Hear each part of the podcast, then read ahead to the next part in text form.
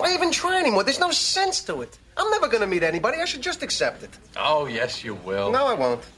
Yeah, maybe you won't. I mean, it's hard enough to meet a woman you dislike, much less like. It's gotten to the point where I'm flirting with operators on the phone. I almost made a date with one. Oh, so there's still hope. I don't want hope. Hope is killing me. My dream is to become hopeless. When you're hopeless, you don't care. And when you don't care, that indifference makes you attractive. Ah.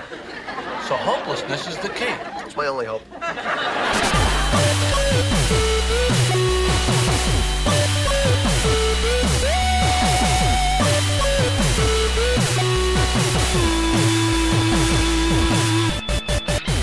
Och då vill jag hälsa er varmt välkomna till eh, det något försenade skitsnacksavsnittet för april.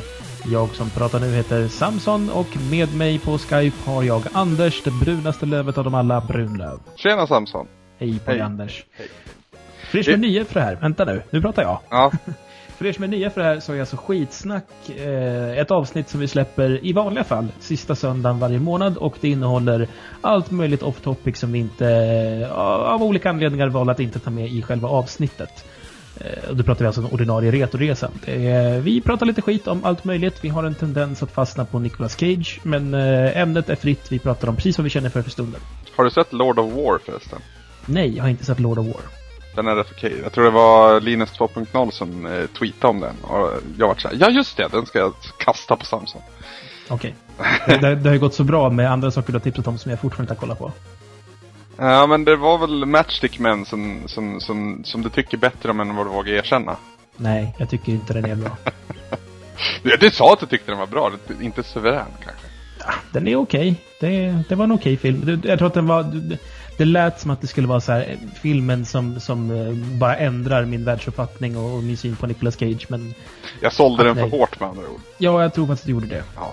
Det, det, risken är att det blir ofta så när jag pratar om saker. För att jag vill gärna. Det är, det är likadant när du kommer börja kolla på Sons of Anarchy. Jag tror Andreas Berg sitter i den sitsen nu. För han, han, jag vet inte om du har läst hans nya blogg. Det är ju fortfarande ett glas juice med en annan adress och en annan design.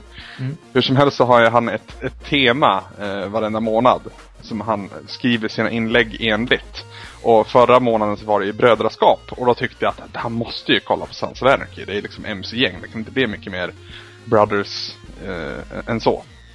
Eh, och jag har pushat och pushat och pushat och pushat. Nu har han sett ett avsnitt vet jag. Han har varit så tyst om det. Det känns som jag även, där har sålt det hårt. Men om han lyssnar, vilket jag vet att han inte gör. Men ni andra som ska se Sons of Anarchy. Så det är som alla andra serier. De här första avsnitten är till för att de resterande ska kunna bli så bra. Ja, precis. Det, man, man måste etablera en massa saker. Det är som första filmen i en trilogi och så vidare. Hur bra var egentligen Härskaringen? Jag tyckte ju den var fantastisk. Men, men eh, det har ju med andra saker att göra. Ja, jag hade inte läst någon bok heller då vet du. Så det, det var ju liksom så här sn- snusfest och höga ljud från de där jävla hästarna minns jag. Ja, den, är, den berättar egentligen inte särskilt mycket till historia, men den eh, presenterar en väldigt massa vackra, snygga och eh, underbara saker. Den presenterar väl en värld kortfattat. Ja, och den gör det väldigt bra. Den säljer dig på att så här, det här kommer vi göra i tre filmer nu. Yes. Eh, vi ska väl bara snacka skit här är det tänkt. Vi ska väl också hälsa från Andreas Ljungström, farbror Atlas, eh, ena halvan av eh, Radio Speltorsk som vi satt och snackade skit med alldeles innan. Eh, som hälsar att han nu står och gör helikoptern på sin eh, trapp medan han gräver i fimpburken för att han är lite berusad. eh, och så skulle vi hälsa att han hatar alla av våra lyssnare eller någonting sånt va? Ja, eh, och att man eh, definitivt ska sluta lyssna på Radio Speltorsk om man gör det. Just det. Framförallt, det viktigaste är inte att sluta lyssna, för det har väl alla gjort ändå. Eh, det viktigaste är att sluta gilla dem på Facebook. Så var det Du ska fan mig jula. Ja, precis.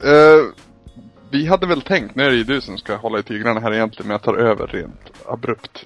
Vi hade väl tänkt att gå igenom lite av kommentarerna på, vad blir det då? Mars avsnitt av skitsnack. Vi har ju fått in en hel del. Det var jättemånga som hade tips på, eller saker de vill att vi ska prata om. Mm. Eh, Jag tänkte jag skulle hoppa in direkt på Lefyrius som hade en, eh, en intressant fråga. Jag tänker jag ställer frågan, jag låter dig prata lite skit och sen säger jag hur det egentligen är. Okej? Shoot. Lefyrius säger så här. Varför tål jag inte att de behandlar datorer som magiska svarta lådor i filmer och tv-serier, men kan acceptera lasersvärd i Star Wars? ja, eh, nu, nu bryter jag illusionen lite här, men vi har ju diskuterat kring den här frågan innan vi började spela in nu. Så jag tycker vi går direkt till Samson som sitter på rätt svar här. jo, det är som så Lefyrius. Uh, suspension of disbelief är någonting vi pratar om ofta. Och det som händer här i, i Star Wars-filmen, om vi tar det som exempel eftersom du också gjorde det. Så presenterar man ju en värld där lasersvärd existerar. Vi vet med oss att den här världen inte håller sig inom samma regler som vår värld gör. När man då ser en film och tv-serie med en magisk svart låda till dator. Alltså en dator som klarar av att göra saker som inte verkligheten kan. Typ exemplet är väl en bild man zoomar in på så säger någon enhance och plötsligt är det högre upplösning. Ehm, varför vi accepterar svärden är som sagt för att det passar in i universumet. Den här magiska svarta lådan passar inte i vår verklighet. För vi vet att det inte är så. Vi har ju inte en aning om hur ett lasersvärd är skapat. Och det, det finns ju förklaringar på det, men förklaringen är ju baserad på mystiska kristaller som vi inte ser, för de finns inte på vårt jordklot. Ehm, och det är därför vi, vi accepterar det. Så här är min syn i alla fall. Att det, det är okej okay att det är så i den världen. Men det är inte okej okay om man skulle dra fram ett lasersvärd i ehm, ja, CSI till exempel. Det är väl ofta CSI, det är väl det som är främst, den typen av serie.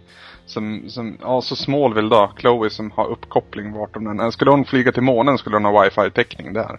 Ja, det är, det är lite Julian Assange-varning på henne där. ja, Smallville, sista avsnittet ever, sänds på fredag för övrigt.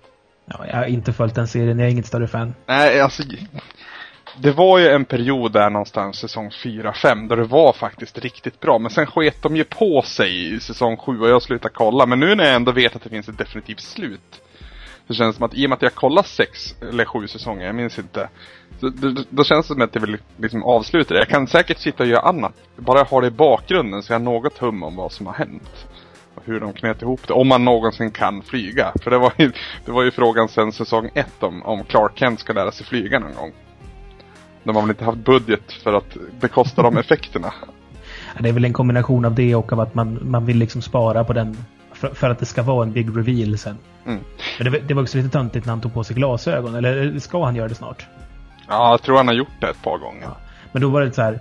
Plötsligt så, så ska man inte kunna se Eller ska, ska, ska man kunna se skillnad på liksom Clark Kent och Superman. Men fan, han har ju gått runt utan glasögon så jävla länge vad är det de liksom missar med att ah, det är en annan kille nu? För nu har han glasögon, han är Clark. Men så är det i Stålmannen-filmen också. Ju... Jo, men i, där har han ju glasögonen från början. Där köper man att så här, glasögonen symboliserar att han ser annorlunda ut. Ah. Men, men i Smallville har han ju sett ut som han gör som Superman hela tiden. Förutom när han plötsligt lägger till ett par glasögon.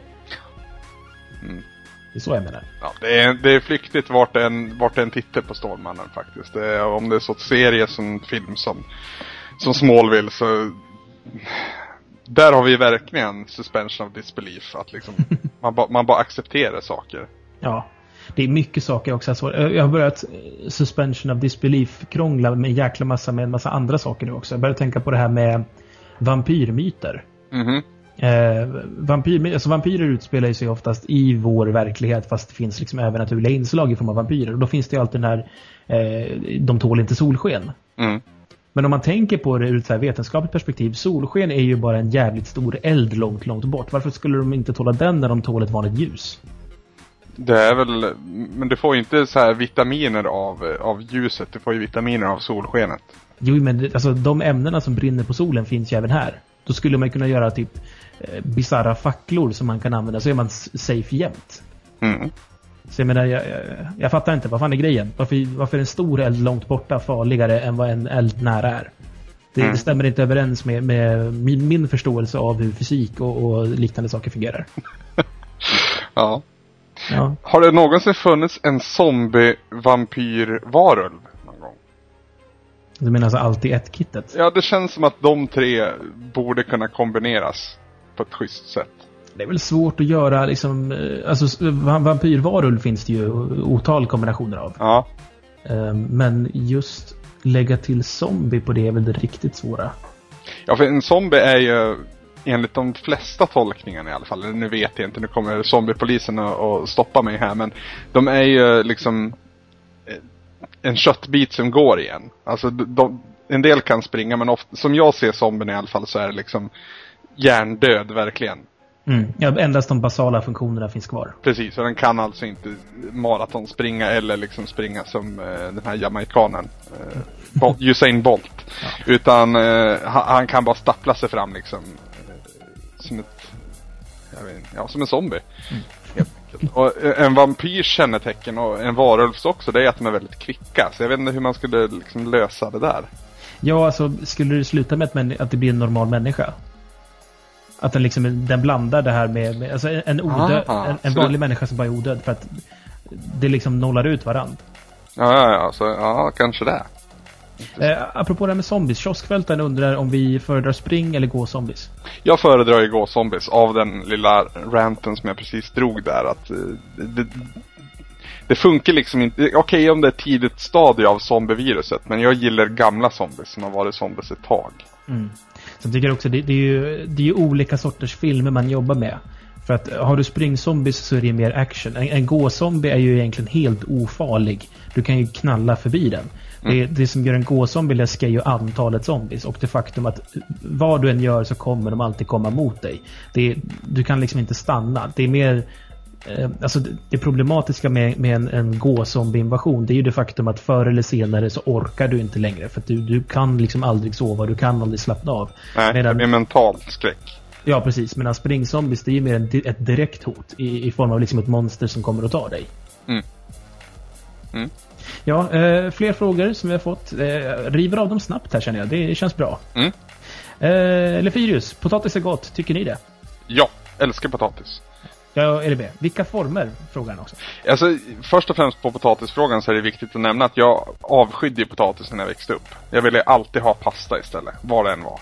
Fan, liksom, köttbullar ville jag ha pasta istället. Och var det liksom fiskpinnar så ville jag ha pasta istället. Och det, ja, det, jag, jag var jättekonstig sådär. Eh, så, så det är ju på senare år, för du vet, du vet hur det är också, eller ja. Nu vet inte jag hur din uppväxt såg ut rent konkret. Men för mig då som flyttade hemifrån rätt tidigt så var det liksom att Åh nu bor jag själv, nu ska jag äta bara saker jag tycker om själv. Och sen så tar det ett tag och sen så kommer man hem till morsan och så har han gjort de här köttfärsbiffen och den här potatisen som hon alltid har gjort. Men den har ju aldrig smakat sådär gott. Just för att man är hemma igen och man får ju det här som man har undernärt sig på när man har bott själv. Ja, gud. Jag kommer ihåg första gången jag kom på att fan, det skulle vara gott med fiskgratäng. på en pizza. Nej. Intern humor. ja, det var någon som nämnde det på Twitter också här. Det- Ja, det, det var... Jag minns jag inte vad personen hette. Vi kan spara det till Retoresan. Ja, men det var, det var väl han som, som, som sa Magnus. Ja, Nej. precis. Som undrade ifall att kalla dig Magnus var ett internskämt kopplat till det. Och ja, det är precis vad det är. Det är exakt vad det är.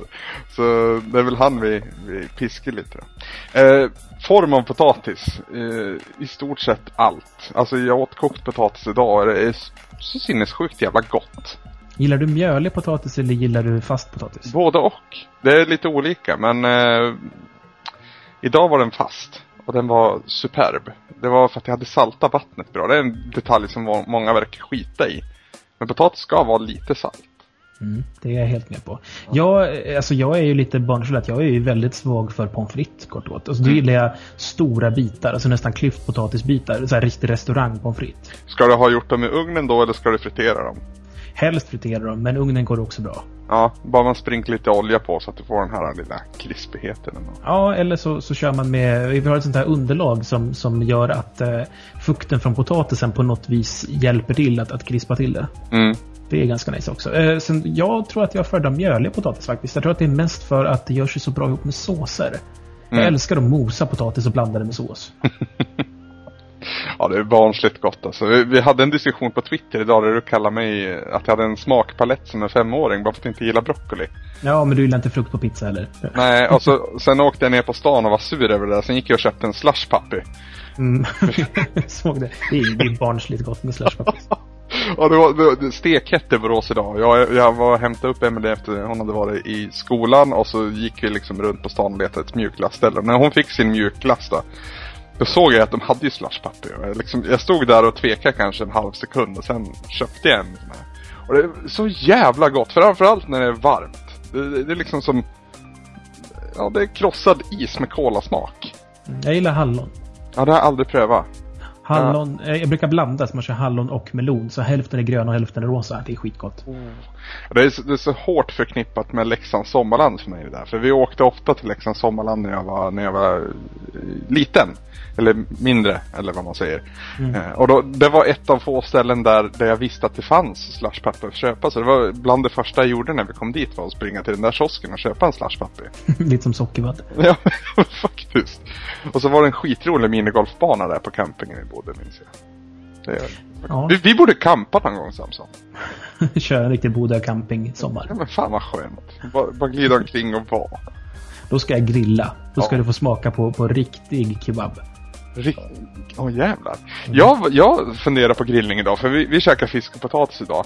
Alltså någonting jag aldrig har grillat men som jag har velat liksom länge det är ju att grilla fisk.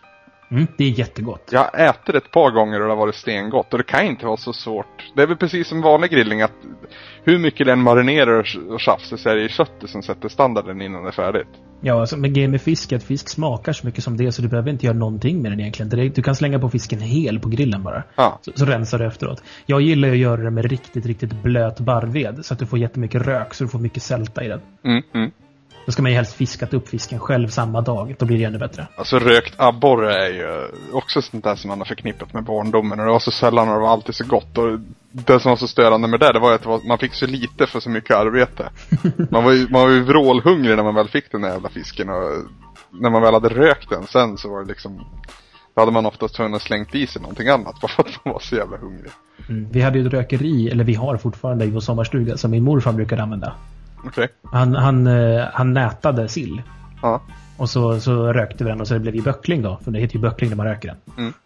Och det, det är här riktigt sommargrej. Först käkar man eh, potatis som vi har plockat ur potatislandet. Och så till det så äter vi eh, rökt böckling som morfar har fångat och morfar har rökt. Och sen efteråt så äter vi nygjord rabarberpaj som mormor har gjort. Och vi har odlat rabarbern själva. Det är så här riktigt... Eh, natur- Riktigt Per Morberg approves. Ja, verkligen. Och det är, det är så jävla gott. Eh, Det enda som är lite fusk är att vi kör marsansåsen sådär, pulver. Ja. Eh, Men vad fan, det skiter jag i. Det är så jävla gott ändå. ja marsa- Marsansåsen är mest där för att liksom kräma till den då. Så det, Ja, och så lite sött. Det det är ju ganska surt med rabarberpaj. Vi, vi har inte särskilt mycket socker i själva pajdegen heller. Det blir en smulpaj liksom. Men, men vi kör en eh, inte så jättefet och inte så jättemycket socker. Utan snarare så har man då eh, såsen till. Så får man välja själv hur sött det ska vara. precis. Det riktigt nice. Nog om mat. Vi har fler frågor som vi går in på. Okej. Eh, fortfarande Elefyrius. Censur i film eller spel. Är det någonsin rätt? Ja. Så är det. Jag säger nej. Eh, jag är inte för censur som att man tar bort saker, men jag är för att man sätter åldersrekommendationer på saker. Mm. Ja fast jag tänker ju snarare att man censurerar ju av en tanke. Jag, jag tänker mig framförallt film då om man ska kunna om man ska kunna visa någonting på TV så borde det finnas en censurerad version. För TV är det ju liksom risk, även hur sent det än sänder det så är det ju risk att någon ser det som inte bör se det. Åldersrekommendation eller inte. Och ibland kan det vara rätt så disturbing. Jag vet, eh, jag tappar bort vad filmen heter men den, den, har, den har skadat mig. Eh, Irreversible heter den. Mm. Har du Den sett- franska. Ja. Alltså öppningsscenen där, jag, jag, jag, jag tror jag kräktes lite faktiskt i munnen och jag har inte sett klart den filmen för jag kunde inte. Skulle någon liksom mer sårbar än mig ser den så, så vill jag inte veta vilka är det där skulle kunna ge. Så snarare att man censurerar och sen så ska det finnas en DVD-utgåva där man aktivt kan välja att se en ocensurerad version. Jag, jag, jag, jag vet inte om jag tycker det. Alltså det är klart att man kan, alltså alternativ är ju alltid bra. Däremot så kan jag tycka att det man bör göra är väl att, som man gör med tv-spel, skriva varför det är så. Men Irreversible är ju dels det grafiska våldet i inledningen, sen så är det ju också en ganska hemsk våldtäktsscen längre in i filmen som är extremt obehaglig, bland det värsta jag sett. Är inte det som är öppningsscenen? Ja, den kommer... Alltså det, filmen går ju baklänges. Så filmen inleds ju med hämnden och sen så backar den tillbaka till eh, dådet, så att säga. Jaha, då kanske jag såg mer av den än vad jag minns då. För jag kommer ihåg det. Just det är ju våldtäktsscenen som jag får... Du menar den som är i, i den här tunnelgången? Ja, precis. Ja, den är ju ganska långt in i filmen. Jaha. Ja, det ser man. Inledningsscenen är ju på den här bisarra sexklubben. Okej. Där eh, en man blir väldigt brutalt misshandlad med en brandsläckare. Ja, men ja! Okej. Ja, men det kommer jag faktiskt ihåg. Så det, ja, jag har väl sett mer av den än vad jag tror det. Men i alla fall, det, det, alltså, den är säkert jättestark och jättebra och allting sånt. Men jag, jag fixar inte att se den. Nej, det den är inte för alla. Och jag tycker också den är hemskt jobbig. Så jag har sett den en gång och tänker inte se den igen. Nej. Och det är också för att jag tycker att den är väldigt magstark. Där hade jag ju, alltså, vet man med sig att man tycker till exempel då att en våldtäktsscen liksom är någonting man kommer uppfatta som stötande. Så det är bra om det står på förpackningen eller på baksidan då rekommenderad från och så var det som är passande ålder och sen en förklaring på vad det är i filmen som gör det. Mm. För jag menar, svordomar skiter jag i. Jag kan höra hur mycket svordomar som helst utan att ta illa upp. Ja, ja, ja. Eh, Men, men våld och, och framförallt sexvåld är, är någonting som jag tycker är väldigt jobbigt. Jag hade ju jättesvårt att se eh, Moddisons Ett hål i mitt hjärta. Ja, den har jag inte sett heller. Nej, Jag, jag- jag, jag, ballar ur efter Lilja Forever där. Ja, den här är grövre. Och Ja. jag mådde riktigt, riktigt dåligt efter den här filmen i flera veckor. Vad synd att han bara gick den vägen, Moddison. Jag vet inte vad han har gjort sen den, men jag vet att liksom Fucking Åmål var ju på ett visst vis. Sen var ju Tillsammans den varmaste filmen på flera, flera år. Sen så vart det där Lilja Forever och Hål i mitt hjärta och det vart liksom... När det är så obehagligt, man drar ju sig från att se någonting. Jag får inte ut någonting mer än att liksom det är gripande. Men det, jag, jag sitter ju inte och liksom mår bra någonstans. Och jag ser ingen anledning. Det är lite samma grej som jag hade där med skräckspel och skräckfilm. Liksom att om det bara, kvaliteten bara består av att jag ska bli rädd eller att jag ska må dåligt för att det är så liksom nära verkligheten och så obehagligt. Det finns ingen idé för mig att se filmen då anser jag. Nej, men då ska du inte göra det heller. Jag, jag tycker det finns, eh, alltså Lilja Forever, eh, när jag, när jag väl såg den så hade jag sett saker som var värre. Mm. Eh, Så att den, den var liksom, då tyckte jag att den kändes lite överhypad i hur vidrig den var. Den är ju fortfarande vidrig och det vidrigaste med den är att den är ju så gott som en sanning för väldigt Det är en många. dokumentär i stort sett. Ja, och det är ännu hemskare att när jag såg den så bodde jag i det huset där den är inspelad. Och jag gick ju såhär, fan jag vill nästan springa och knacka på på varenda dörr bara för att kolla om det inte är någon som bor så där nu. Mm. Ehm, vilket jag inte gjorde eftersom jag är en feg liten rackare. Men um, vad var det jag skulle komma med det här?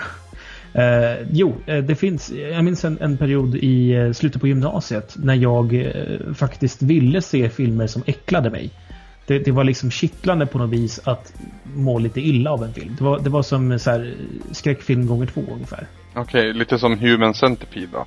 Ja, fast den, den var... eh, Den hade, tyckte jag hade andra kvaliteter just än äckelgrejen. Den, Ja, jag har inte sett den så det, du, du pratar med en vägg just nu. Ja, Nej, men äckelgrejen i, i uh, Human Centipede, den är ju inte... eh, jag är väldigt grafisk när jag, när jag just jobbar med såna här saker. Och eh, den är ju visserligen extremt grafisk, men det är tre människor som sitter ihopsydda, en mun mot en tarm. Men eh, du ser ju liksom inte vad det är som händer, utan det är bara skådespelarnas insatser som gör det. Mm. Ehm, och det finns filmer som, som gör liknande saker fast det är mer grafiskt. Och det, tack och lov så är det inte så jättegrafiskt i den filmen. Och där är det istället det som är läskigt är ju den här läkaren som har gjort det här och, och hans liksom, mentala hälsa. Det är den grejen som skrämmer dig mer. Mm. Sen blir du lite äcklad så att säga av, av det faktum av det han gör. Men det är ju eh, det, det är skapat med skådespeleri och inte med att du får se det. Nej, men då, då kan jag faktiskt tänka mig att se den när du vrider det så. För då, då, då finns det en, en annan kvalitet där. Om kvaliteten bara är att skapa obehag, då kan jag lika gärna liksom läsa tidningen känns det som. Ja, nej men då är, vill, vill man se sånt så, alltså som är mer grafiskt, då är ju typ Itchy the Killer eller Visitor X eller vad den heter, Visitor Q. Är ju mer i så fall extremt grafiska grejer som är också riktigt jävla äckliga. Nog om äckliga saker. nu till någonting mycket, mycket trevligare. Eh, vi fortsätter på Lefyrios spår och han tar upp eh, Har ni hittat någon bugg eller glitch i ett spel? Ja! Ja, massor, kan jag säga. Ja, ja.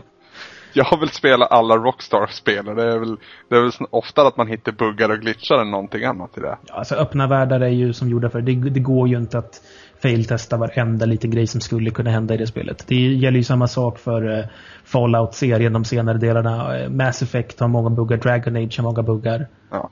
Jag, jag har ju suttit och verkligen syna Infamous i fogarna i och med att jag har jagat reda på en platinatrofé i det här spelet. I min jakt att jag ska ha 10 platinas innan årets slut. Ehm, och det är ju vissa hopp där har ju varit lite så här. Där har de ju också satt upp ramar för hur, hur det universumet fungerar så att säga. Men eh, jag har väl spräckt det ett antal gånger. Så här, hoppa upp på ett hus med ett topp och sånt där. Eh, på grund av glitchar. Och sen, sen en rolig grej, det var att jag gjorde någonting precis när en cutscene skulle, skulle in. Så det slutade med att jag hade en stolpe rakt igenom magen en stor del av spelet som fick följa med mig. Och det, det, det, det, sättet jag fick bort den var att göra exakt samma sak igen. Alltså försöka, gör, prom, eh, försöka göra en, en specifik sak i det här spelet. Man bioleacher när man likt Star Wars suger livskraften ur någon för att stärka en själv och ens hälsa. Um, gjorde det alldeles innan en cutscene så, så, så försvann den igen. Roligt nog. Eh, ja. Jag Mm. förvånad att det var så enkelt att få bort det igen. För det var ju rätt störande efter ett tag den jävla stolpen. Det var ju bara grafiskt, så den förhindrar inget gameplay men, eh, men det- såg ju konstigt ut. Och det spräckte ju illusionen av att det var ett tv-spel. Eller att det inte var ett tv-spel på en gång. Alltså, jag tycker att man eh, i multiplayer har man ju nyttjat det massor med gånger med hostlag och liknande. Ja, ja, ja. Eh, men, Nu när vi är inne på andra delen av Lefyres fråga här. Har det förstört ett spel någon gång? Eller har, har, ni, har du exploitat den? Ja, det har jag gjort massor med gånger. Det finns saker som jag inte skulle kalla för buggar, men som är liksom saker man kan exploatera. Ehm, I i ehm, nästan alla Source-motorspel, alltså Valve-spel framförallt, Mm. så är det, det... Alltså, allt som du ser som har geometri i världen är oftast någonting du kan interagera med. Eh, vilket då innebär att om det är en vägg där det finns en pytte, pytte, pytte liten detalj längs med väggen, typ att det går som en, en liten list, då kan du oftast ställa dig på den listen för din fot är inte större än en pixel. Mm. Eh, Och det har jag missbrukat. Eh, Senast i Portal 2 har jag liksom snabbat mig genom ställen genom att då eh, fuskhoppa mig så att säga. Upp till platser där jag inte ska kunna stå och så vidare. Det är väl sånt där som C-spelare liksom som kan skriva långa avhandlingar om. Ja, precis, precis. Eh, senaste så här, riktiga buggen som jag utnyttjat det var när jag spelade Gears of War 2-kampanjen med min flickvän i Co-op. Okej. Då eh, jag gjorde en sån här eh, rullning. eh, Det var så här. Jag stod på en våning ovanför och så hoppade ner genom ett fönster och landade då på en bil. Mm. Och den här bilen kan man egentligen inte stå på. Eh, För att han kan inte hoppa upp på sådana höga saker. Nej. Eh, Men det blev något som blev lite knasigt där i motorn. För att det innebär att jag stod alltså 2-3 meter upp i luften. Och jag kunde liksom promenera där som om det var golv under mina fötter. Vilket gjorde att ingen av de här ja, eh, wretches som sprang omkring kunde nå mig. För de kan inte hoppa så högt. Ja, den är rätt kul. Jag har Ja, faktiskt, så jag, med, jag sprang omkring där och... och... Nu pratar vi mun på den. Vad sa du? Du har Ja. faktiskt medvetet... jag har faktiskt medvetet utnyttjat en glitch för, för min egen vinnings skull så att säga. Och promptat fram den också. Eh, det, återigen så kommer vi till det här med trofésamlande och det var när jag körde igenom God of War 1 via God of War Collection. Och jag skulle samla Red Orbs för att maxa ut mina, mina, mm, mina krafter och mina vapen. Och det, det, det finns ett ställe där du ska upp på en stege i samband med att du blir attackerad av sådana här flygande fladdermössgrejer. Och slår du vid rätt tillfälle och sen hoppar upp på stegen, då slutar aldrig den där dö. Utan den bara om och om, och om, om igen dör den. Därav obegränsat med Red Orbs. Så det, det satte jag på internet och läste in mig på och sen utnyttjade jag. Rätt upp och ner. Här ser man. Smutsig jag kände mig. Ja, så eh, ja, vi har gjort det helt enkelt. Ja. Vi- det har, en sista sak också. Vi är fortfarande på God of War, vi är fortfarande på trofésamlande. Det har även glitchats åt andra hållet för mig. Jag vet, i God of War 2 så har jag trofén för att klara spelen, men jag har inte trofén för eh, de tre sista bossarna. För att den är glitchbar, så att säga. Det är lite sugigt, men jag ska, jag ska spela det fler gånger. Så. Nästa fråga. Platser i film och spel. Skulle ni vilja besöka en plats du har sett i en film eller ett spel? Monkey Island. Mm, Monkey Island. Jag är rätt ny med den serien, men alltså det, det verkar ju vara ett rätt skönt ställe. Annars är ju Vice City populärt. Just för att det är så galet. Men risken är att du blir påkörd av en pansarvagn när du ligger där på stranden. Liksom. Det, är, det är rätt så riskfyllt semesterparadis. Ja, fast jag vet inte, samtidigt så känns ju Vice City lite som eh, Miami Vice på syra, typ. Ja, Jag tror att jag, jag klarar mig. Jag levde på 80-talet. Liksom. Jag var till och med i Miami på 80-talet. ja okej. Ja, jag var sju år i, i en liksom ensam liten by. När, när 80-talet blev till 90-tal. Så, nej. Ja, eh, ja, Tron skulle vara kul att besöka. Ja, Um, Mid, Middle Earth, vad heter det? Midgård på svenska. ja Midgard. Ja, jag, sk jag skulle ju jättegärna typ eh, hänga i Rivendale eller eh, bland de här skogsalverna. Alltså nu, nu är det förutsättningen att det här kriget inte är kvar längre så att det inte bara är så här pest och jobbigt. Mm, mm. Men där, hänga i fylke och, och eh, sitta och dricka bira med Sam och company, det verkar ju hur mysigt som helst. Mm, verkligen. Det är, väl- det, är, det är väl det som är den stora behållningen med härskaringen om vi kommer tillbaka till den. Att just fylke verkar vara så jävla mysigt. Det är liksom, ingen har, det är inte jobbigt att bo där direkt. Nej, verkligen inte. Det är ju också som vi pratat om. Det är ju, eh, Fylke är ju där det är i berättelsen för att ge dig någonting att kämpa för. Ja, precis. Vi går vidare. Eh, Lefyrius har många frågor och eh, vi har lite tid kvar så vi fortsätter. eh, han undrar, vad är godast? Och sen kommer en lång radda här så du ska välja en av de här. Okej. Chips, kakor, glass, choklad, gelébaserade godisar, skumbaserade godisar, lakrits eller frukt. Jag tråkig om jag väljer frukt där. Det finns så jävla mycket frukt och det är så jävla gott. Så jag tror det. Men alltså om, man- om man ska se till onyttigt så är det ju gelébaserat godis är jag svag för. Sekt och slemmigt helst. Eh, Så att det riktigt- Slemmigt? Nej men så att det fastnar i tänderna. Det är så vinigum. Ja, vingummi är så jävla gott. Ja, och det värsta jag vet är de här fake vinigum. Det ska vara basets. Annars gills det inte. Gud vad konstigt att uttala saker. Vingummi. Vinigum. Vingummi. Vinigum. bäst. Vinergum är det ju. Vingummi. som vi sa. Wienerbröd, vinegum. Anywho. Jag gillar också vingummi. Eh, vilken är din favoritfärg av vingummina? Det var röd, nu är det grön. Jag gillar jag- de genomskinliga. De vita. Ja, Det är de är så precis- jävla... Det är precis som min sambo då. Ja, Emily och jag vet du. Eh, jag har blivit lite svag för de här riktigt superbeska orangea på, på senare år. Alltså, de som är lite apelsiniga. Ja, och så har de, det är nästan så att apelsinskalet är med där också. För det har den här, Mm, det det är ju det vet du. Men man kan inte äta för många. För då blir man liksom avdomnad i smaklöken. Jag tycker det bästa med vingummi det är eh, när man har man, man har lagt påsen där någonstans där det är varmt. Typ man har glömt en, en, en så att solskenet har varit på den. Så att de är så riktigt, riktigt mjuka. Så tar man en två, tre stycken, drar ut dem till så här långa, långa ormar och så twistar man ihop dem. Gärna då att man blandar två färger. Så snurrar man ihop den så det ser ut som en sån här spirell ungefär. ja, just det. Fan vad gott det är. Ja, kanske. Jag har inte testat just den tekniken men jag ska definitivt göra det. Jag ska köpa så här, två påsar, lägga in i solskenet och äta upp den andra. Och så dagen efter så kan jag göra din Spirello vingum, skulle det heta då. Ja. eh, annars så är jag väldigt svag för både glass och choklad faktiskt. Mm. Eh, I glassväg så är jag väldigt svag för pekan just nu. Mm. Det är jävligt, jävligt gott. Choklad så gillar jag i princip allting utom eh, dålig kvalitet choklad. Alltså eh, så länge det inte är typ så här tjeckisk importchoklad så går det mesta ner. Favoriterna hör väl till, ja den här eh, vad heter den? Eh, Caramel and roasted almonds eller vad den heter. Alltså just nötter och choklad är ju sån otroligt fin. Alltså, nötter har ju ett snäppet, är strået vassare än jordgubbar och choklad. Mm. Faktiskt. Jag tror det. Eh, Eh, En sak som inte är med på den här listan. ja, Paj. okej. Ja, så jag har aldrig varit en pajfantast. Jag har blivit det. Eh, dels av, av min USA-resa som barn förstås. Mm. Men de kan paj. Eller de kan eh, efterrättspaj definitivt i USA. Mm. Någon gång ska jag ge mig ut på någon sån här riktig roadtrip och bara testa varenda pajhak som finns. Typ.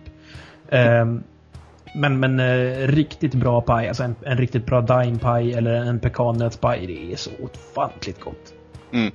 Jo, alltså med det sagt så jag tackar inte nej om det erbjuds liksom äppelpaj eller vad det nu kan vara till efterrätt liksom. Det, det är inte direkt att jag sitter och tycker det är äckligt. Men det, det är aldrig att jag har en, en urge efter paj. Det gör jag ofta. Pekanpaj. Så går jag på stan och bara oh, jag tror jag går in på Espresso och så tar jag lite pekanpaj. Cheesecake är också jävligt gott. Oh.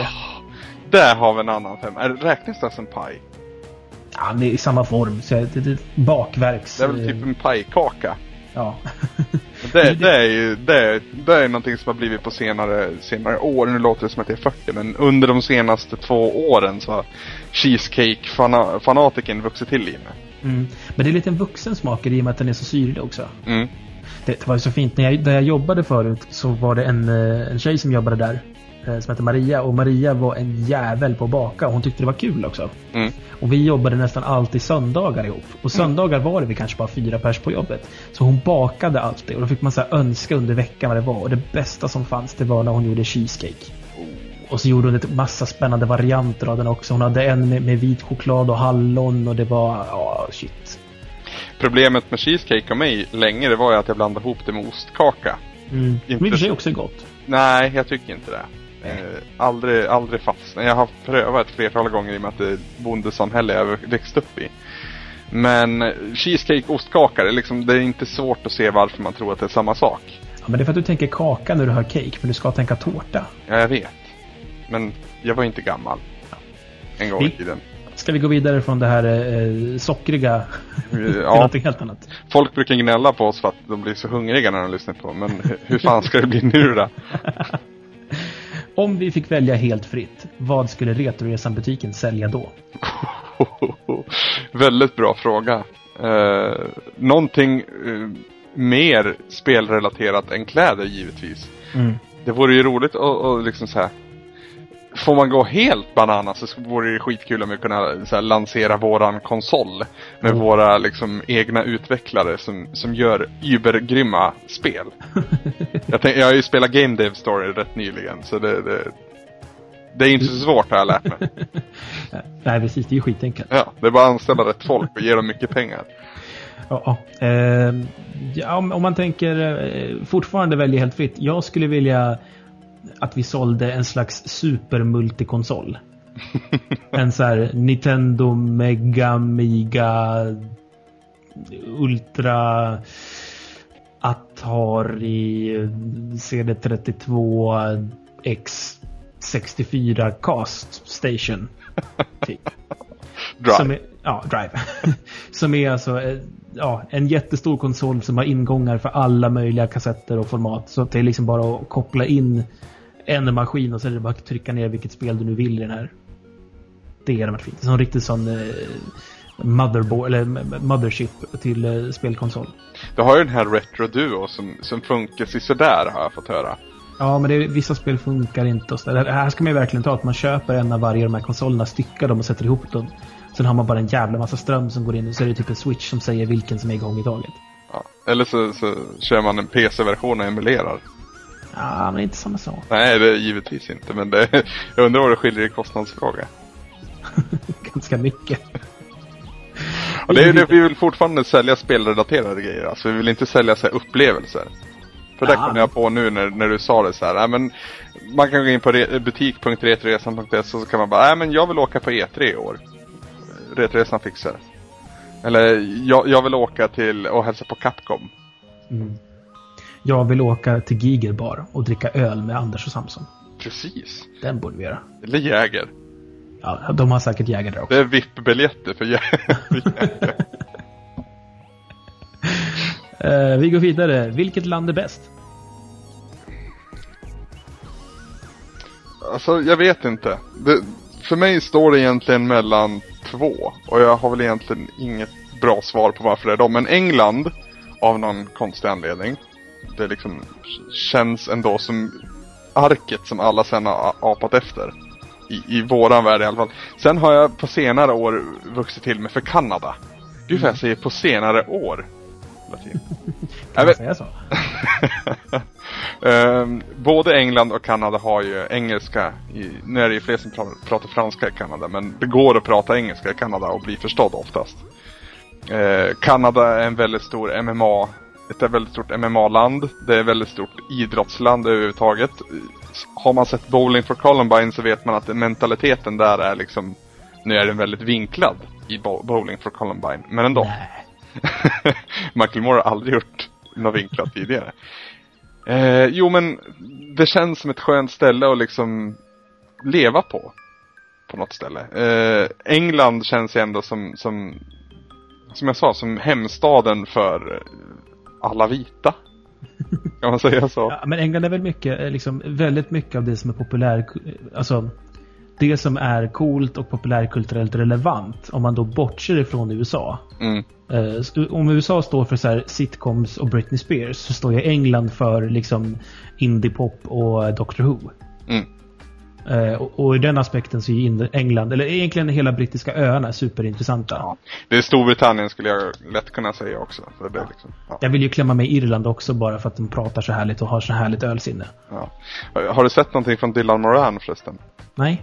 Han, han, han gör en rätt, han gör två saker träffande irländare. Eh, hur de ser ut. Antingen så är det att det är som, ett, som att en annan person har trängt sig in innanför huden. Så att liksom, tänk dig den minen. Eller att de har fått höra två saker på väldigt kort tid. Att de har vunnit 300 miljoner och ska dö inom tre minuter. Ja. väldigt, rätt. jag kan rekommendera, jag tror det var Det var en kombination av eh, Emily och eh, din kollega på Gameplayer, Kerstin Alex, som, som eh, rekommenderade Dylan Moran. Kerstin Alex för övrigt. Alex, okej förlåt. Det, det, det står Alex för mig. Ja, jag vet. Ja, hon har rättat mig. Det är därför jag vet det. Ja, okej. Ja, eh, jag vet faktiskt inte. Jag gillar ju också både England och Kanada. Mm. Eh, Kanada är ju som en blandning av Sverige och USA. Mm. Känner jag. Och det känns ju hemma. Eh, samtidigt, jag menar. Man kan tycka vad man vill om amerikaner och deras jobbiga sätt. Men det finns jävligt mycket kul i det där landet. Ja, ja. Det, och det är liksom... eh, Det finns jättemycket hemskt. eh, Givetvis. Men det finns också jättemycket underbart. Vill, vill, om, om, om vi fokuserar på USA för en stund då, vart någonstans i USA skulle du vilja slå ner det? Är det på väst eller östkusten först och främst, eller mitt i smeten? Eh, Jag har egentligen två städer som jag i så fall väljer mellan. Ja, Och då vill jag antingen bo i New York för att det är ett kulturellt mecka. Eller så vill jag bo i San Francisco för att det är ett ideellt mecka. ja just det. Eh, går, det är svårt att inte tänka på South Park-tolkningen av San Francisco. Nej men San Francisco är också känt, det känns som liksom den lite mer eh, nertonade versionen av Los Angeles på något vis. Där folk inte är full of themselves. Ja, fast de är ju fulla av themselves också. Det är bara att man, men det är mer PK i San Francisco. Ja. Eh, Det jag uppskattar mer är att det finns också ett väldigt rikt kulturliv. Väldigt mycket av spelbranschen eh, och spelpressen finns i San Francisco. Mm. Eh, Och man har nära till Los Angeles om man vill dit. Liksom. Precis. Och man har nära till Las Vegas. Och rätt det, så awesome väder, känns det som. Ja, det är faktiskt det är väldigt bra klimat i San Francisco. Det är också en sån här stad som jag spenderat ganska mycket tid i. Ja. Eh, det, är, det är en väldigt vacker stad. Alltså den har en av de få amerikanska städer som känns lite som Gamla stan. Mm. Eh, här och där förstås. Och jag, jag vet inte, jag tycker att det är, det är fint. Helt enkelt. Jag gillar det. Och så har de eh, spårvagnar och det är mysigt. Apropå Gamla stan, det är Stockholm du refererar till då misstänker, misstänker jag. Ja, ja, för fan. Eh, Det finns faktiskt, nu, nu låter det här väldigt eh, småaktigt, men det finns delar av Borås som påminner om Gamla stan. Just hur, hur staden är strukturerad och hur den ser ut med kullerstenar och allt vad det heter. Hela Visby ser väl ut så också. Ja, det är möjligt. Jag har aldrig varit i Visby. Har du inte? Nej. Jag har varit på väldigt få ställen. Jag var utomlands en gång också. Så, Men du Anders, den här campingen, den tar vi i så fall på Visby. det är inte omöjligt. Mm, det är, ska jag visa dig allt jag kan, det vill säga ingenting. Det är jättehärligt på Visby. All right. På Visby. På Gotland eller i Visby för fan. Lär dig svenska. Var mig Nu, nu skäller han ut sig själv också när jag börjar sagt rätt en gång. Ja, eh, vad har ni för design eller stil på era hem? Oh. Konstant i skiftning, känns det som. Eh, nu har jag bott i en andrahandslägenhet, eller vi har hyrt i andra hand, så jag har inte liksom haft de möjligheterna eh, jag vill ha. Jag har inte kunnat gjort de grejerna jag vill ha gjort. Eh, tidigare har jag varit väldigt bohemisk av mig, kan man säga så, utan att egentligen vara medveten om det. För att jag har haft knapp budget, så har det liksom bara blivit så. Eh, min stil annars är det någonting jag verkligen avskyr så är det här tokstilrena. Det är liksom Det kan vara okej för en husvisning eller liksom för ett museum men jag vill inte bo där. Jag vill liksom Det ska, det ska liksom nästan vara en liten tjock dimma i ett hem på något vis. Man ska, man ska vara, verkligen vara hemma hos någon och gärna en, en egen lukt också. Eh, som inte är gamla kalsonger. Eh, Nej, och det ska inte se ut som ett IKEA-uppslag heller. Nej, verkligen inte. Det, ja, lite småstökigt vill man ha det. Lite så här, o, liksom oordning. Nu har jag köpt lägenhet. Eh, Flyttar in om mindre än en månad faktiskt. Du får gärna komma upp och hjälpa mig flytta. Ehm, Bjuder du på lite öl så. ja, ja, givetvis. Ehm, och där har vi lite mer möjlighet genast. Eh, men vi får väl se vad det blir. Jag är ju fortfarande inte världens rikaste man så jag har inte råd att köpa de grejerna jag vill köpa. Men det är ju en- alltid en konstant process det där att, att bygga sitt bo liksom. Ja. Och jag, min, smak hin, min smak ändras snabbare än vad min ekonomi tillåter. Kan man säga. Det, det är ju samma här. Det, tack och lov så har jag en sambo som är väldigt bra på att kombinera saker. Okej?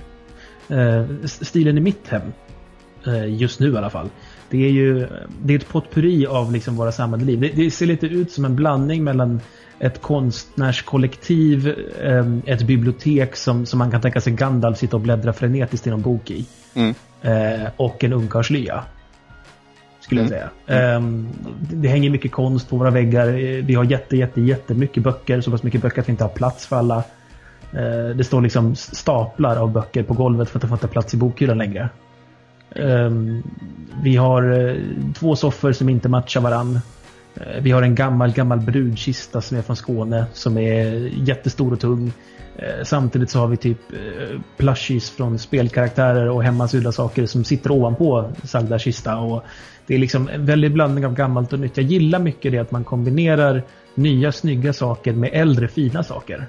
Man ser nästan varför du har en läggning för retrospelande där. Jaså? ja men just det där att man... Ja. Det känns när man kommer hem till dig framförallt. Jag, jag sa det alldeles nyss, som en dimma någonstans.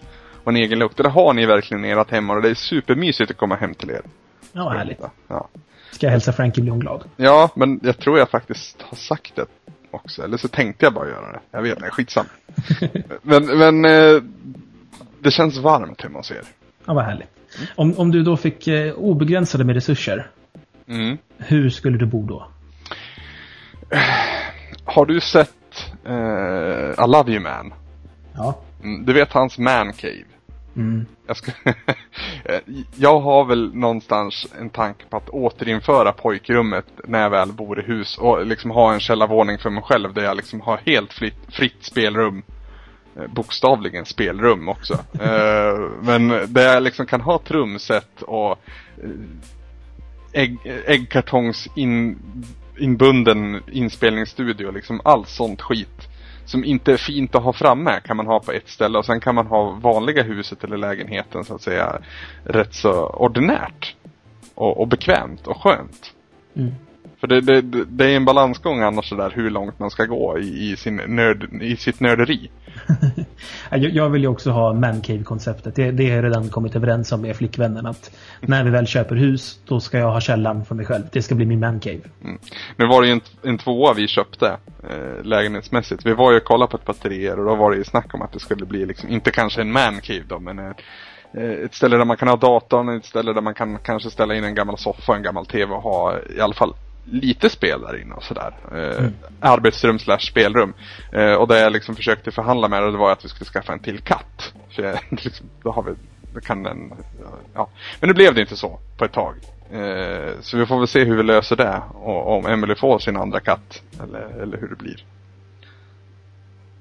Ja, eh, om jag fick välja helt absolut fritt eh, så skulle det nog vara, lite så här fegesvar, men jag skulle vilja ha en sån här slott där det är en massa, massa bizarra flyglar. Och så skulle jag väl liksom designa det själv med massa såna här, vet, gömda gångar. Att man drar i rätt bok så vänder sig väggen och så kan man åka in i så här The Secret Cave. Och mycket så här att man kryper i en gång mellan två rum. Och det finns ett... eh, har du sett The Haunting? Ny, nyinspelning av den här gamla skräckfilmen med huset som du spökar i? Nej.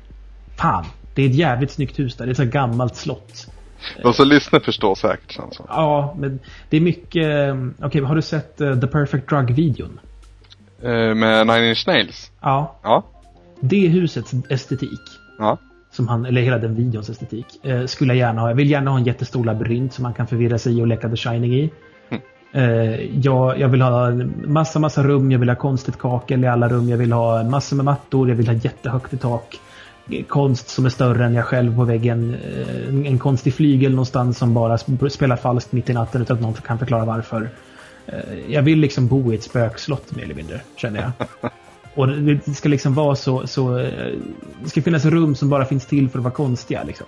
Mm. Eh, nu, nu är det så jätteöverdrivet och det har man ju bara råd med om man är Bill Gates. Men man tänker sig lite mer... Inte lika out there. Eh, men ändå fortfarande ganska så är det ju någon, någon typ av eh, skotsk herrgårdskänsla jag vill ha. Alltså tänk dig ett ganska ett rum som går mycket jordiga färger. Det är mörkt trä på golvet, så stora gamla plankor som är eh, de är liksom mjuka och fina att gå på men man ser liksom tydliga skåror i dem och så är det stora tunga mattor. Eh, öppen stor spis, jättestor öppen spis. Eh, så gamla läderfåtöljer med fotpall till och tillhörande basset och, så går man runt och röker pipa mitt i allt det där. Alltså sjöutsikt vill jag klämma in där någonstans också. Ja, ja, för fan. Eh, det, det Stor måste jävla vara- terrass och en riktigt fin sjö, eller sjöutsikt med, med solsida. Mm. Och så, så är det en mysig by som ligger i närheten så man kan gå ner till den lokala puben. Och de känner en som lorden men man är ändå så trevlig och bussig mot alla. Och alla känner alla och hjälps åt. Och är det någon som behöver hjälp så finns man alltid där för varandra. Och så gärna ska det också vara i närheten av så här lokalt slakteri och lokalt bryggeri och massvis. Jag har blivit så ruskan, ruskansvärt, det var ett nytt ord. Ruskigt förtjust, jag tror det är Mobergs fel även där, i sånt här liksom egenproducerade varor. Mm. Jag vet vad eh, min gamla kompis från, eh, ja men Niklas, Final Fantasy-nörden. Mm. Eh, hans granne när han bodde liksom ute i, ing, mitt i ingenstans innan han flyttade in till Bollnäs. De gjorde så här äppelmust. Det var det godaste man kunde dricka. Det går inte att förklara vad det var, för det smakar ju liksom äpple med kolsyra. Men det var så jävla gott. Och det var bara för att de hade gjort det där. Och det liksom, man smakar fortfarande lite jord här och där. Och det, Du, jag ska, jag ska presentera dig för eh, Frankies pappas företag någon gång. Okej. Eh, de, han, han, Ingemar som han heter driver ett företag som heter Svenskt Mathantverk. Okej. De gör bara den typen av prylar. De har eh, äppelmust, de har även enbärsmust, de har en massa gammeldags korvar och det är Åh. eh, så här, du vet, rom och krusbärssylt och allt möjligt. Det är så jävla gott! Har du, har du, eh, du som har liksom, du har väl bott i Bollnäs? Ja, visst är det. Du, kanske minns också Tillmans korv? Ja, ja, för fan. Det, det, jag älskar ju korv. Jag är liksom, det är vad jag är uppväxt på. I stort sett. Alltid när man kommer hem från skolan så var det liksom att koka lite korv och, och sätta sig och göra någonting. Ehm, nu när vi var hemma så insåg jag att det finns inget bra substitut till den där tillmanskorven i Borås. Eh, så jag gick ju lite overboard och köpte på mig så här typ 6 kilo. Ja, men fan, det är bara att köra på. Ja, jag fick liksom strategiskt placera in kylda grejer i den här Ica, eller Konsum var det faktiskt, eh, Konsumpåsen. Så det skulle hålla sig alla timmar ner till Borås. Men eh, det var värt det kan jag säga. Till och med Tobias har fått smaka på den här korven. Eh, Den är unik för att den har sån hög kötthalt. Det, det är nästan för högt för att kalla det varmkorv. Så pass. Ja, jag, jag tror faktiskt de har fått sänkt på grund av samma anledning. Ja. Ja du Anders, det var det som hade skickats in som förslag. Har vi någonting mer vi vill tillägga? Jag ser att du har missat en fråga. Jaså? som, som jag liksom har tänkt på medan vi har pratat om annat. Eh, vad hoppas ni att Nintendo gör med nästa konsol? Frågade Furious. Ja, eh, back to basics. Det, alltså det, vi tycker väl det som alla andra tycker. Ja. Eh, vi vill att Nintendo ska börja tävla på riktigt igen. Ja, alltså jag är ju, har ju liksom på senare år, så jag väl en, en till gång då, eh, börjat insett att Nintendo faktiskt har mer balls än vad, jag, än vad jag gett dem cred för. Och de har släppt en hel del bra spel. Eh, bland annat den här generationens bästa spel skulle jag nog kalla det. Eh, kanske. Du tänker på Galaxy 2? Eh, jag tänker på Galaxy. Jag tycker det är bättre än tvåan. Ja, Galaxy, vi ja. kan klumpa ihop dem som ett spel båda två. Precis. Eh, men någonting jag skulle vilja se som, som jag också uppskattat i, i Wii här, det är ju den här fokusen på sin backlog och sin eh, liksom, enorma katalog av spel. Och liksom ta Virtual Console till nästa steg snarare. Så att du och jag kan spela Super Mario Kart med varandra. På riktigt så att säga. Förstår du? Över, över nätet också. Det som också faktiskt är praktiskt eh, möjligt. Eller vad, vad, det är liksom det, teoretiskt möjligt heter det. M- Man kan hyfsat enkelt se hur det skulle kunna göras möjligt. Och vilka möjligheter det egentligen skulle kunna ge och ännu mer fokus på retro och gärna liksom jag vet inte, mer än spel kan man väl inte säga men eh, på något vis så känns det lite det, alltså att spela på Nintendo Virtual Console kontra att spela en ROM på datorn, det är inte så stor skillnad. Man skulle kunna göra det till liksom, mer av en upplevelse på något vis. Jag vet inte riktigt hur, men gärna mer fokus på det. Jag tror i ärlighetens namn faktiskt inte vill att de ska göra en konsol. Jag skulle nog vilja att Nintendo slutade med konsoler och blev ett hårdvaruföretag, eller mjukvaruföretag enbart. För det bästa, det bästa med Nintendo är deras spel, inte deras maskiner. Nej, det har du en poäng i. Tänk om Nintendo tävlade och släppte sina spel på Playstation och på eh, Xbox 360. Jag tänkte en... eh, tänkte att styra Mario med en Playstation-dosa. Vad konstigt det skulle vara. Mm. Men det vore väldigt, väldigt intressant. Det, tror du inte att det ena liksom tar ut det andra lite grann då? Att Miyamoto liksom alltid har gjort eh, spel till det liksom hu- spelhuset han jobbar för så att säga. Han har ju aldrig gjort någonting till eh, Sega eller till Sony eller Microsoft. Det är väl Miyamoto i första hand vi, vi tänker på. Jo, men även de andra förstås. Mm. Jag menar, Miyamoto är inte så himla hands-on nu för tiden. Han är väl mer med på idéstadiet och fixa till saker som inte funkar stadiet. Mm. Eh, men eh, alltså kompetensen hos Nintendo ligger ju egentligen främst i att göra fantastiska upplevelser att spela. Och det tror jag de kan göra eh, på alla möjliga olika versioner. Liksom. Det, det, det, jag tror inte det finns någonting som säger att alltså de, de har ju the know-how. Det är inte som att de inte vet hur man skulle programmera för Xbox. Nej. Så det, det är nog inte någon större fara. Det är väl mest att jag tycker att, att de släpper sina egna maskiner nu för tiden. Uh, nu har det ju gått fantastiskt bra för Wii, men det var en extrem chans. Den GameCube var ju inte lika stor. Nej. Uh, det var ju en, en, en av de liksom sämst säljande där. Det var ju PS2 vann ju stor, stor slam den generationen. Hur, hur pass bra stod sig en N64 mot PS1 egentligen? Den gick ganska bra faktiskt. Det måste man ge dem. Eh, PS1 sålde ju jättebra förstås. Mm. Men 64 alltså då var ju Nintendo gjord av guld. De hade ju släppt NES, Gameboy och SNES. Mm. Det gick liksom inte att göra fel. Jag minns att när, när Playstation och Saturn kom så sa jag skiter väl i det. Snart kommer ju Nintendos nya, det är den som är på riktigt. Mm.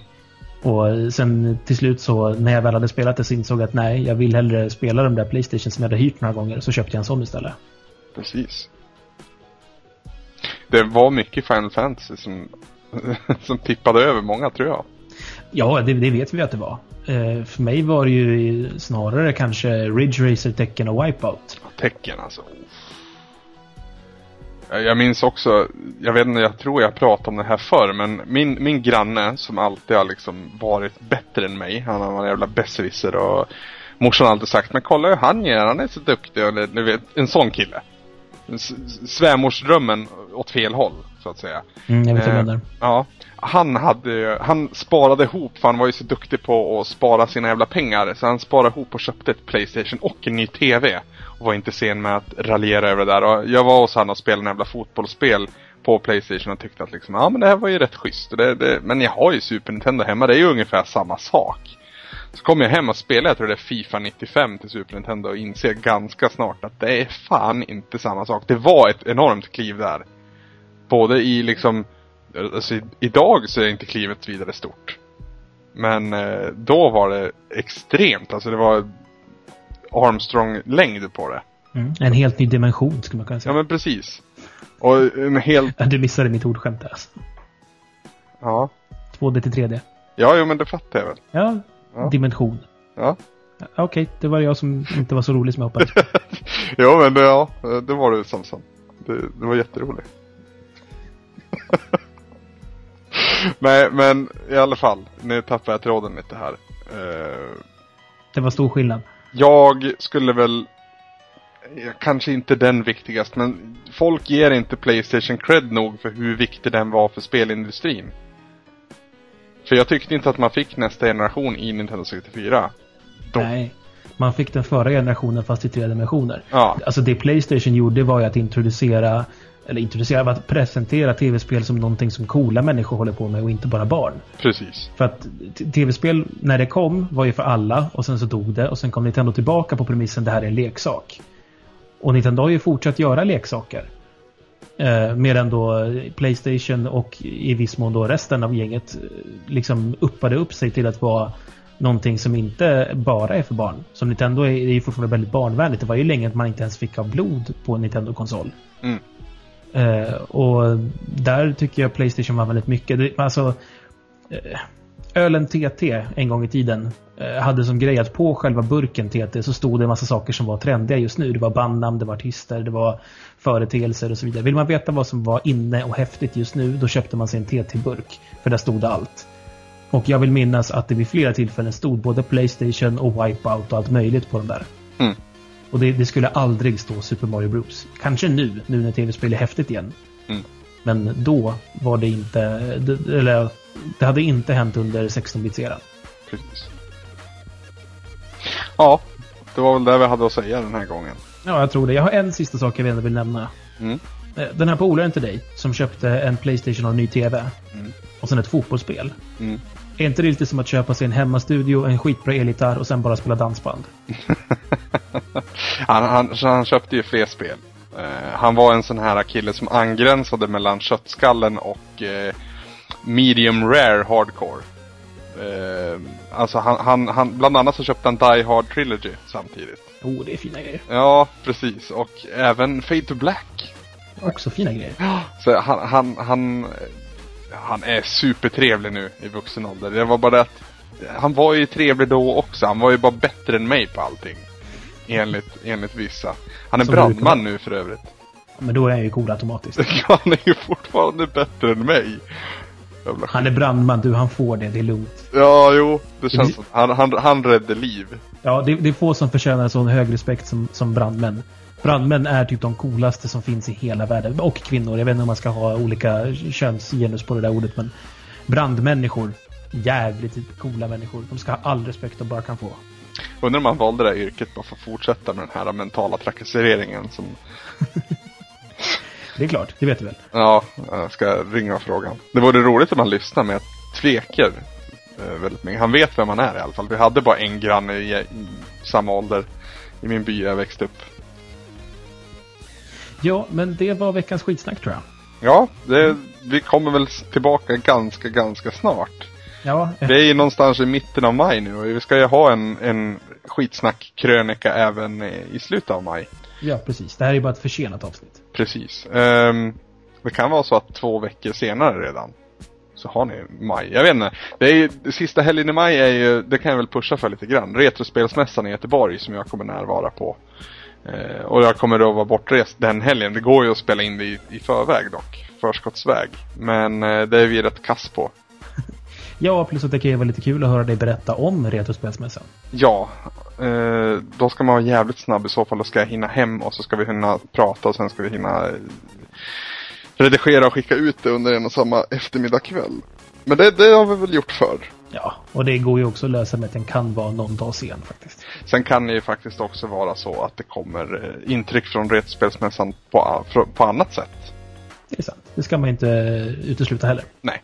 Men eh, ska, vi, ska vi säga så Samson? Eh, ja, eh, vi kan också säga det att man får hemskt gärna fortsätta lämna kommentarer om eh, förslag på saker vi ska prata om. Vi hinner kanske inte med allt, men vi försöker i alla fall. Lämna små frön så se, ser ni ganska snart att vi växer ut och pratar om allt jävla möjligt. Precis, det- vi är rätt bra på sånt. Ja. Det du har lyssnat på är jag, Samson och Anders Brunlöv och det här, det var bara skitsnack.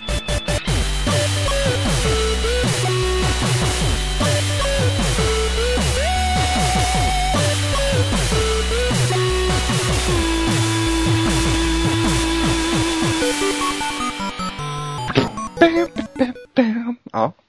Det vart ju, det vart ju bra. Ja. Har du spelat in förresten? För jag upptäckte att det gjorde inte jag. Ja, det har jag. Ja. jag höll på lite extra länge.